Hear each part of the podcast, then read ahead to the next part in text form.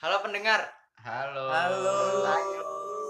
Nah, di sini konten pertama gue di podcast Efek Samping Kopi. Di sini gue bahas soal pendidikan karena deket-deket ini banyak hal pendidikan yang harus kita bahas lah. Ya, kita sedikit berkomentar dengan komedi juga. Di sini gue bareng empat temen gue yang beda-beda jurusan juga bareng gue karena kita satu universitas tapi mungkin beda jurusan. Ada banyak sih. Kita kenal satu-satu.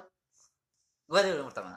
Oke, eh, nama saya Kardi dari jurusan apa nih gue? Pendidikan PAUD. Iya. ah, bukan. Gue dari jurusan komunikasi. Lanjut. Ya, nama saya Riko Rahmat. Saya dari jurusan Politik Islam. Wah, Keren. politikus man. Aktivis Kayak- kampus. Iya. Politik politikus. Iya, lanjut. Ya, dia dengan gua di sini, gua bernama Reski Andika Pangestu dari jurusan Ilmu Pasti. Apa itu? Oh ini cinta cinta. Prodi Fisika. Prodi fisika. Berarti seorang dokter. Oh, Iya. Lanjut yang terakhir. Ngitungin Ya, pola. yang terakhir saya biasa dipanggil dengan sebutan Sumpah, tapi sebenarnya nama saya adalah Sakur Jatullah. Sakur Najatullah dari Oh, jurusan ini, Bang. Eh. Jurusan Pendidikan Biologis. Oh, oh, biologis. Biologi. Iya, berarti Salam pendakingan. kayaknya Salah mereka. Jadi Neja ini salah satu aktivis pendaki juga di beberapa gunung yang ada di provinsi kita ya. Kalau Kardi ini konten kreator film dan YouTube, Riko ini gamers juga dan Kiki ini seorang buciners. Iya. Oke, di sini kita membahas soal pendidikan dari persepsi kita masing-masing ya, karena kita kan juga pernah belajar jadi seorang pendidik di SMA kita dididik dan sampai sekarang di pendidikan kuliah lah. Nah, gue mau bahas satu-satu dari pendidikan kalian waktu masa SMA atau SMK dulu. Dari yang paling jenius ya, kita dari Reski Andika Pangestu dulu. Gimana sih Wih, SMA lu dan gila. perbandingan dengan kuliah sekarang bedanya apa? Pertama, kalau menurut gua ya, dalam segi ini apa? Standar kompetensinya. Nah, di SMA gua itu dari standar kompetensinya itu kurang kalau menurut gua. Terus itu cara cara belajar mengajarnya pun menurut gua sih tidak efektif. Dan gue tau kayaknya lu berasal dari SMA swasta ya. Oh iya, itu. Karena kan katanya SMA swasta ini kelebihannya karena juga mahal, pendidikannya agak ketat juga untuk Nah. disiplinnya. Benar apa enggak sih? nggak juga sih, nggak nggak semua apa sekolah swasta tuh seperti itu, ya kan? Bahkan lebih terkenal lagi eh, tergantung dari sekolahnya. Ada yang Ah, terkenal oke, buruk, oke. ada yang terkenal baiknya gitu. Sebenarnya. Untuk kelebihan atau keuntungan di sekolah swasta apa dibandingkan negeri ya? Nah, Kecuali bolos ya. Oh Iya. berandakan abang Kardi ya. Iya. Gak apa-apa gue nakal sih, yang penting ganteng. Iya. Ya, kalau kalau kelebihannya kelebihannya gini kelebihannya tuh gimana ya kita tuh tidak terlalu terpaku dalam apa yang sistem apa di gitu Oh, dari Ah, pemerintahan. ah, pemerintahnya. Tidak ter- terpaku dan pemerintah. Ah, emang sih dari apa itunya sistemnya emang dari pemerintah tapi kayak Yayasan. kurang nah, kurang Oke, lebih lebih see, menggunakan I see. yayasan gitu kalau kekurangannya kita kayak di dikurangkan lah apalagi sekolah swasta yang tidak terkenal untuk apa kuota untuk masuk universitasnya Oke. gitu kalau kekurangannya Gue geser sedikit untuk yang beda karena kan banyak apa ya untuk kuliah itu penjurusan ke IPA, IPS atau mungkin bahasa tapi di sini temen gue ada salah satu yang dari SMK iya. Yang dan khususnya dia dari otomotif men. Sekarang terjun ke dunia politik yang bahas politik yang mungkin politik yang akan depan di Indonesia ini bakal lebih kacau lagi. Sangat jumping sekali ya dari. Gimana sih pendapat lo dari soal motor ke politik. oh iya, jauh banget. dari pandangan lo dari dunia SMK yang otomotif sekarang terjun ke perkuliahan dan bahas politik itu gimana kira-kira? Ya, rasanya canggung gitu. Gimana sih ya? Biasanya setiap hari itu megang kunci, tang, obeng kan. Cewek, Tiba-tiba ngebahas. Pegang cewek nggak? ngebahas Iya. kemaslahatan masyarakat lagi. Waduh, jauh berarti ya Jauh perbandingannya ya? banget. dan dulu gue mau tanya nih karena kan gue bukan dari kelas SMK ya. Bener gak sih SMK itu digolongkan sebagai anak yang nakal? Apalagi lo kan cewek dari otomotif nih STM apa ya? Diibaratkan nakal gitu. Bener apa gak sih yang lo rasain dulu di SMK sampai sekarang sih. Pandangan lo dari SMK gimana? Ya, kemungkinan kebanyakan orang itu rata-rata sih nganggap SMK itu nakal-nakal lah anaknya. Kebanyakan mayoritas sih anak SMK itu baik. cowok semua. bullshit batang. Batang semua. untuk per kelas lo kan ngambil otomotif motor. Ya, teknik kendaraan ringan. Itu ada Bukan. ceweknya? STM STM TSM TSM ada kelas ceweknya nggak kira-kira? Ada. Canggung nggak sih ketemu cewek dan cuma satu gitu kira-kira? Ya nggak canggung dong. Dan sekarang lo harus berhadapan dengan banyak cewek di perkuliahan ini Iya. apakah jiwa-jiwa cowok lo meronta-ronta? Kalau masalah cewek di kelas gua ini cuma ada lima di SMK cuma ada dua. Ya sama aja cuma dua. ah cuma lima? Iya cuma lima. sangat tidak ada perbedaan. Nggak ada perbedaan masalah murid. Mahasiswa aku juga transgender nih. Iya.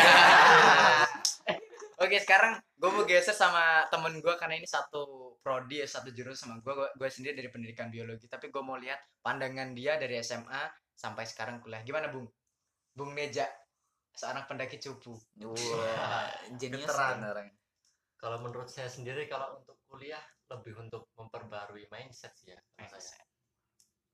Bukan Kenapa ya? untuk- Soalnya dia lebih dapat gitu loh. Kita kan lebih rame gitu. Lingkupannya banyak nih. Kita Hmm. mahasiswa. Kawan-kawan kita banyak yang merantau. stop sepakat kan- lab Iya. Jadi yang mau tahu ya, yang berlanjut, si Neja ini seorang ya kita bisa dikatakan wibu sih, tapi dia tidak mau dibilang wibu. Dia bilang mau dibilang otaku. Bener-bener no lab, nggak mau keluar dari kamar kalau nggak kita panggil. Kurang ajar emang. Oke, geser sedikit dari Neja karena pandangannya sama kayak gue nggak penting juga sih. Kita ke geser ke wah seorang pemikir konten kreator men. ya apa sih gue bukan siapa siapa anjir Iya. Apa main kira-kira pandangan lo dari kuliah ini? Perbedaan lah dari SMA sampai sekarang. mungkin kalau di jurusan gue ya kayaknya nggak jauh beda sih kayak tingkat kesantaiannya tuh iya nggak jauh beda. Gue SMA tuh IPA IPA tapi jiwa gue tuh kayak nggak nggak di IPA gitu. Kayak seolah kayak seolah kayak ya nggak salah juga. Jiwa gue juga bukan IPS cuman gimana ya? Eh apa? Gue kayak awalnya ikut ikut temen gitu. Gue milih IPA ya gue jalanin aja sebenarnya jiwa gue bukan di IPA jadi waktu gue SMA itu gue tuh termasuk orang yang apa yang yang Introvert. enggak bukan introvert. Apa ya? Yang enggak enggak patuh. Kalau IPA tuh kan kayak Patuh aturan lah ya. iya patuh aturan gitu. Tapi lo image image nya Ah, patuh aturan. I see. Eh, setiap hari tuh kalau di SMA itu ya guru matematika pasti ada aja PR gitu guru guru kimia dan guru guru lainnya gitu.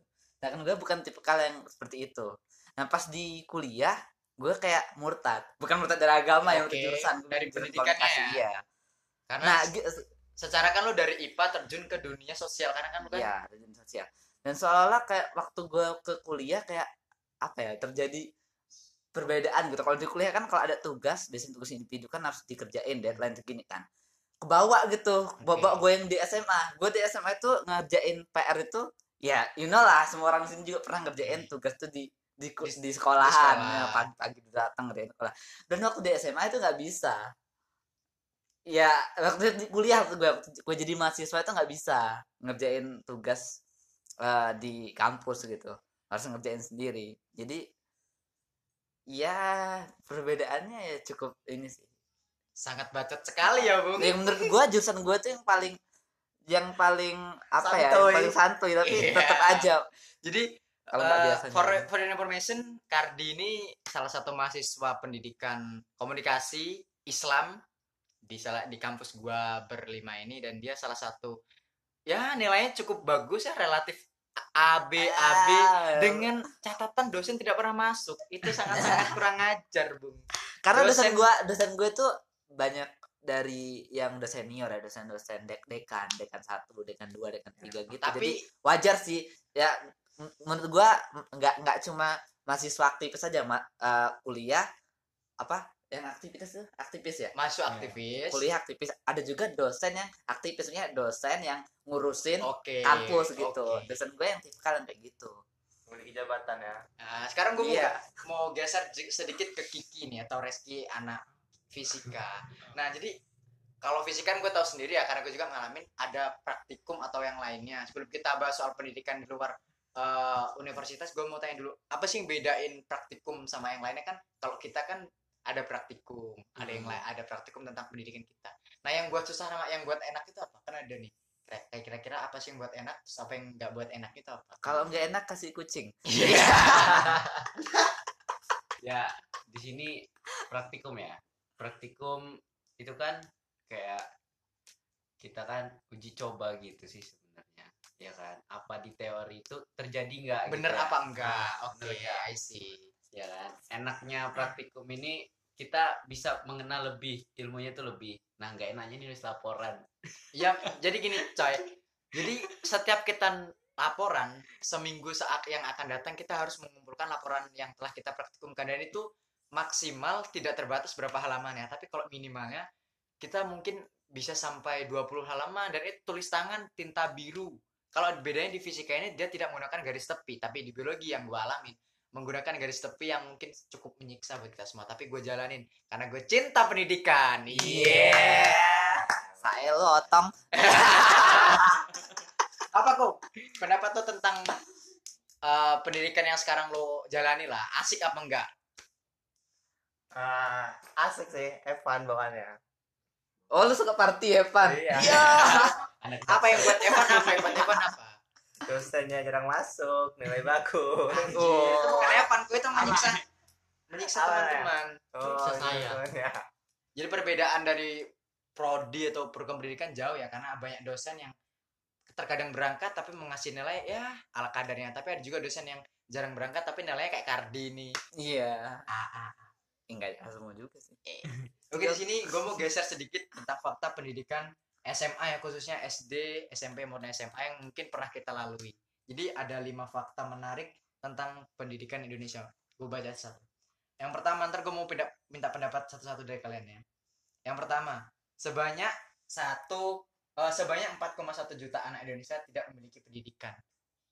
Itu gimana kira-kira? Sedangkan sekolah ini kan sekarang gratis karena ada biaya dari pemerintah dana bos itu maksimal eh, sampai 9 tahun pendidikan ya Iya. kalau nggak salah tapi masih banyak sekitar 4,1 juta anak Indonesia nggak punya pendidikan yang layak di Indonesia ini kira-kira gimana pendapat lo sendiri sih Kalau pendapat gue sendiri mungkin mungkin anaknya males ya dia mau sekolah itu. Atau mungkin rumahnya jauh dari sekolah. oke I see dari mungkin dari kendaraan juga Iya. kurang mendukung untuk menuju ke sekolah tersebut hal-hal lain atau mungkin dari pendidikannya juga kurang mumpuni karena kan banyak anak yang sekarang nggak mau berpendidikan karena mungkin nggak cocok dengan dia. Karena pendidikan yang ditekan dengan tugas-tugas atau PR pulang sore. Karena kan sekarang pendidikan dibuat full day men. Sampai jam 4 sore. Nah itu gimana sih? Kalau pendapat pakar politik kita pendidikan dibuat sampai jam 4 sore itu gimana kira-kira? Cocok nggak dengan faktor apa ya? Mayoritas masyarakat Indonesia dengan hal tersebut yang suka mager tidur dan lain-lain. Kaum rebahan kaum rebahan ya. Negara paling santuy. Ya sebenarnya pemerintah juga sih baik untuk ngasih full day itu. Karena untuk melatih kedisiplinan siswa-siswa sekarang. Ya kalau di zaman dulu kan kita lihat kan siswa-siswa dulu kan jarang tuh ngebantah guru. Se- sekarang zaman sekarang ini siswa berani ngebantah guru ngelawan guru bahkan. Nyampe nyampe ngelaporin guru. Tapi kan efek dari full day sendiri kalau kita tinjau dari yang dulu dulu aja jam 1 sudah udah pulang lah. Tapi sekarang sampai jam 4 apakah mungkin ketindak kekerasan kepada guru semakin bertambah karena kan jam tambah pen- pendidikannya tambah lama. Tapi kan full day itu ya. Seminggu itu kan lima kali. Kalau zaman dulu kan nggak full day itu enam hari ya enam hari dari sampai Sabtu sampai Sabtu. Jadi pendidikannya tujuh hari itu dikurangin dua hari. Nggak masalah sih walaupun full day juga. Kalau menurut gue sih ya eh gue kan belum waktu gue SMA itu belum full day. Oke. masih sampai Sabtu dan sampai jam 2 menurut gue eh, pendidikan itu ya kalau menurut gue ya gue bukannya sok sen gua sok- Asik. saya udah mengalami nih bukan kayak gitu pakar dakwah iya. Apaan? iya menurut gue eh, pendidikan belajar itu pendidikan kan konsepnya merujuk pada belajar kan proses Belajar. belajar itu menurut gue harus dinilai dari segi kualitas bukan kuantitas misalnya sekarang nih eh, kita kuliah itu satu hari itu mungkin cu- eh, ada yang dua paling ada yang mungkin eh, satu harinya itu dua mata kuliah yang empat SKS mungkin. Iya Nah, terus eh, kemudian eh, ada yang satu harinya tuh bahkan ada yang satu mata kuliah doang. Dua SKS misalnya dari jam 7.30 sampai jam 9 habis itu pulang. Nah itu kan pendi- apa kuantitasnya lebih sedikit cuman kualitasnya lebih lebih lebih di segi di, di- apa lebih dilebihkan dari segi kualitasnya. Tapi, nah itu apa- eh, ilmu pengetahuan kita lebih lebih ini sih dibandingkan SMA ya. SMA kan kita belajar sampai yang full day sekarang yang jam 4 dengan perbandingan kita yang kuliah yang hanya hanya sehari yang mungkin ada yang 2 sampai 8 SKS nah itu lebih apa ya lebih lebih lebih berpengetahuan kita lebih apa ada ada impactnya bagi kita gitu. Lebih banyak pengetahuan kita yang lebih sedikit belajar di saat menjadi mahasiswa dibandingkan saat SMA yang jam belajar jam terbang belajarnya lebih Oke. Lebih Jadi baik. yang gue tanya apakah itu berjalan dengan jurusan lo sekarang yang dosen itu jarang masuk? Sangat tidak sekali dong. Sangat Iya, tidak kalau sekali. misalnya kita masih jadi mahasiswa sih kita lebih ini sih, lebih mencari ilmu tuh yang dari kampus dan juga dari luar kampus. ya, Menurut isi gua ekstra ekstra. iya lebih situnya sih. Nah di sini ada fakta unik kedua. Nah ini gue mau tanya sama Kiki nih karena dia pakar hitung-hitungan, Asik. dokter fisika ada. Oke di sini di sini fakta unik kedua total anggaran pendidikan di Indonesia pada tahun 2018 itu senilai 444 triliun. Sedangkan sesuai nggak sih dengan pendidikan yang mungkin kita alami pada tahun tersebut? Karena kan tahun ini kita masih berpendidikan SMA lah khususnya adik-adik kita juga masih. Nah angka tersebut sesuai nggak sih dengan apa yang didapatkan siswa pada masa itu? 444 444 triliun men. Tahun Enggak, 2018. kalau menurut gua enggak. Karena gimana ya? Masih banyak juga kok daerah-daerah yang jadi apa namanya adik-adik kita yang belum apa istilahnya belum mendapatkan pendidikan yang lebih baik gitu loh. Kalau- kalau segi infrastruktur yang lo dapetin di SMA lo dulu meskipun itu kan swasta tapi masih tersentuh dunia pendidikan pemerintah kan? Hmm. nah itu apa sih yang kira-kira kurang dari dana dana yang ada di sini oh itu dari sistem ininya kalau menurut gua ya apa memadai eh, ekstrakurikulernya kurang kurang Oke, menurut sih. gua kurang Oke, untuk kita bahas fakta selanjutnya, fakta unik tentang pendidikan, perkembangan jumlah sekolah pada tahun 2017 itu meningkat, sedangkan eh, apa ya di sini jumlahnya tidak stabil dengan siswa yang masuk. Ini bagaimana maksudnya? Pandangan lu gimana sih? Jadi ada jumlah sekolah yang terus bertambah, sedangkan siswa sendiri semakin sedikit, tidak sesuai dengan sekolah tersebut. Semakin sedikit gimana maksudnya? Agak bingung nih gua. Oh, sekolahnya bertambah, siswanya menurun ya. Iya, di sini dituliskan seperti itu. Kira-kira gimana Bung Kardi? Jumlah sekolah terus bertambah nih, Iya, iya. tapi minat untuk sekolah entah itu dari dana, entah itu dari kemampuan atau keinginan siswanya berkurang. Tapi sekolah terus bertumbuh. Nah, itu bagaimana? Itu masalah juga sih untuk dunia pendidikan. Itu menurut lu gimana? Kalau gua sih kalau misalnya dari minat pendidikan yang yang kurang itu mungkin gua yang dari desa ya, cuman nggak nggak desa-desa banget gitu. Kayak semi desa dan kota. Azir. Jadi menurut gua eh, di tempat gua sendiri di kampung gua dan kampung-kampung sebelah gua itu memang ada dari dari angkatan gua sendiri mungkin ada 2 sampai tiga orang yang nggak lanjut. Dari SD aja nih dari SD nggak lanjut ke SMP lagi. Karena? Karena sih kebanyakan ada ada beberapa kasus sih ada mungkin yang dari biaya dan juga eh, dari misalnya ada gue punya punya kawan serius ini gue cerita ini apa karena orang tuanya itu eh, yang yang ayahnya itu pergi Petani. Eh, Oh, bukan pergi, nggak tahu ke mana ya anjir petani, bapak gue petani. sedangkan ibunya itu eh, gini apa meninggal gitu Oke. Nah, jadi eh, secara tragis dia itu tidak melanjutkan sekolahnya, dia ikut neneknya. Oke. Oh, berarti untuk dilihat dari fakta yang kedua ini jumlah sekolah terus bertambah sedangkan siswa yang mulai berkurang untuk minat pendidikan kurang cocok ya karena untuk kita sendiri di dunia pendidikan ya. Sedangkan kan dunia pendidikan ini ditinjau dari biaya dan semangat, bukan dari atas sekolah itu banyak. Karena gua ada kasus di salah satu kampung gua, satu kampung itu memiliki dua SMA. Jadi Hmm. ketertarikan belum itu dihitung dari SMK-nya ya, sekolah menengah kejuruan ya. Belum itu dihitung dari segi presentasi siswa yang ingin ke sekolah itu pun kurang karena sekolah itu ditinjau dari kualitas yang lo bilang tadi. Sedangkan banyak siswa yang lebih memilih sekolah itu yang terdekat bukan yang terbagus. Yang itu sangat-sangat kurang setuju sih gua kalau penambahan sekolah setiap tahunnya. Lebih baik memperbaiki apa yang sudah ada daripada menambah apa yang belum ada. Menurut gue sih ya. Dari kesenjangan juga sih menurut gue sih. Kadang kalau misalnya sekolah itu kan ada yang difavoritin tuh. Asik. Sekolah ini bagus eh, akreditasi A.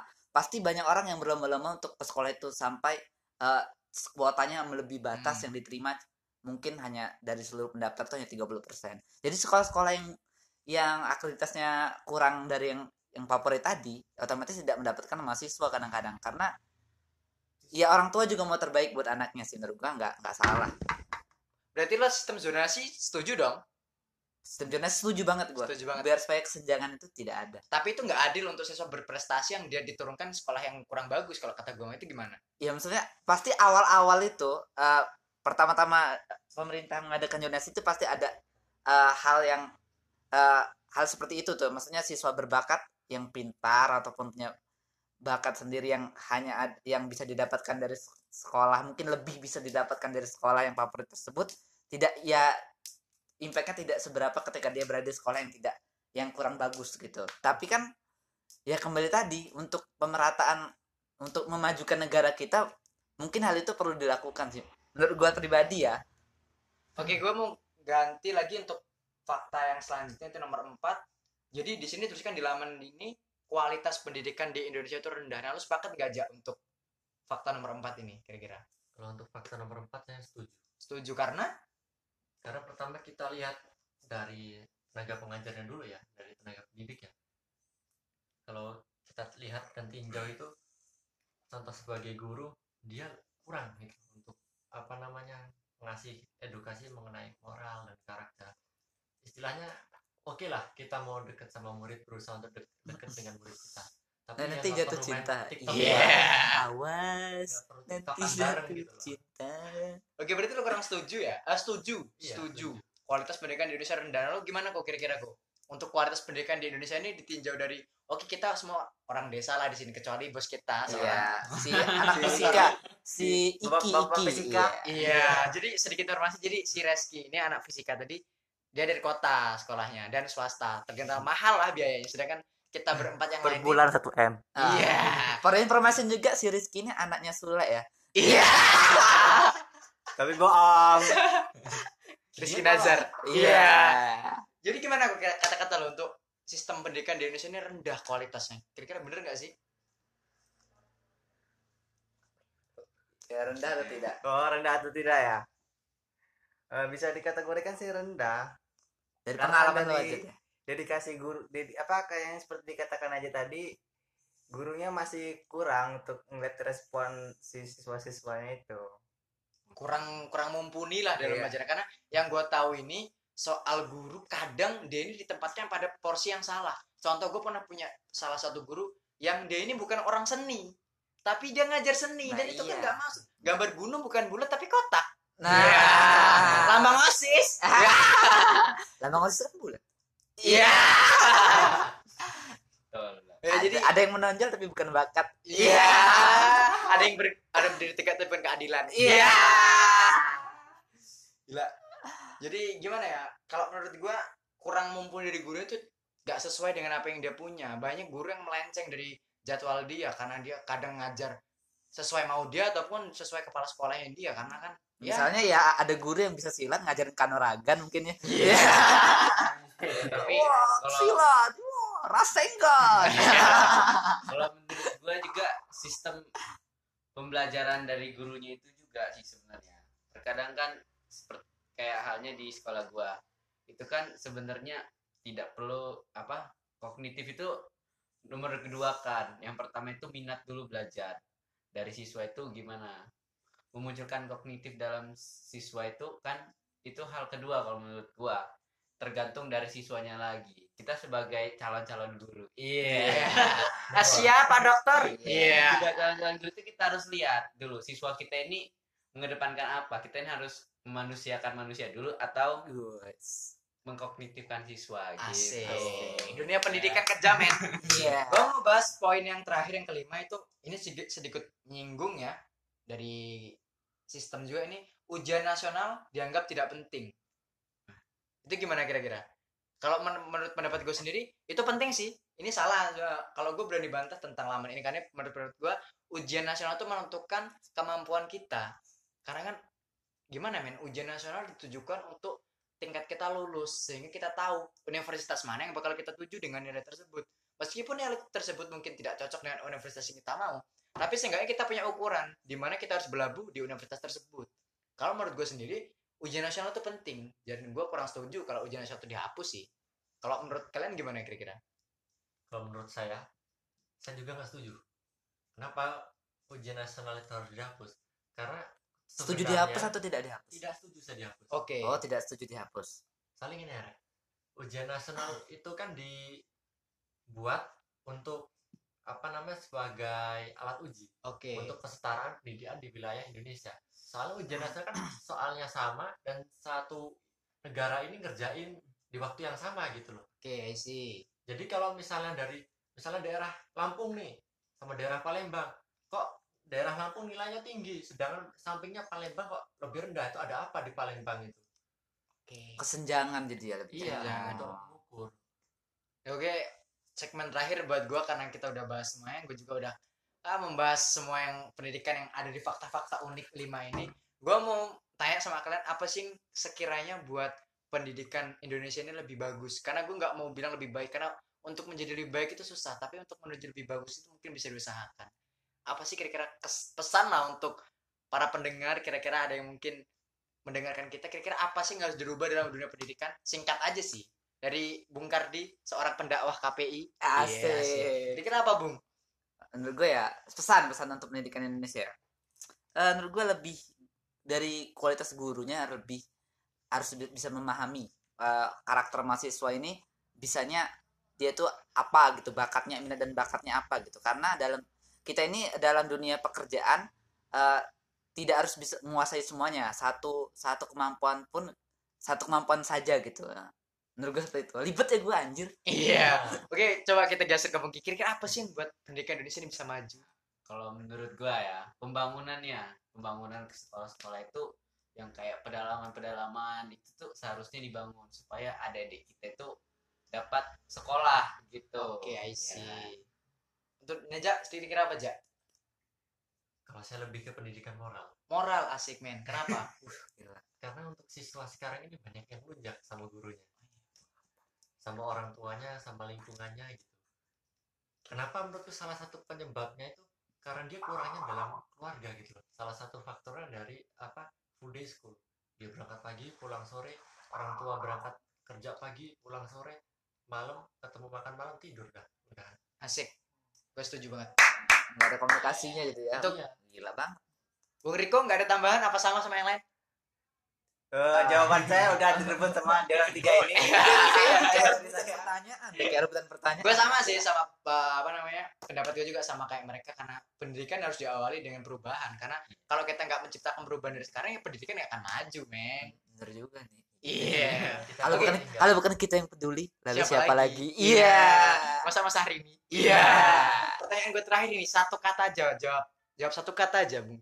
Eh, kira-kira lebih asik dunia sekolah SMA atau SMK apa kuliah? Jawab satu kata aja.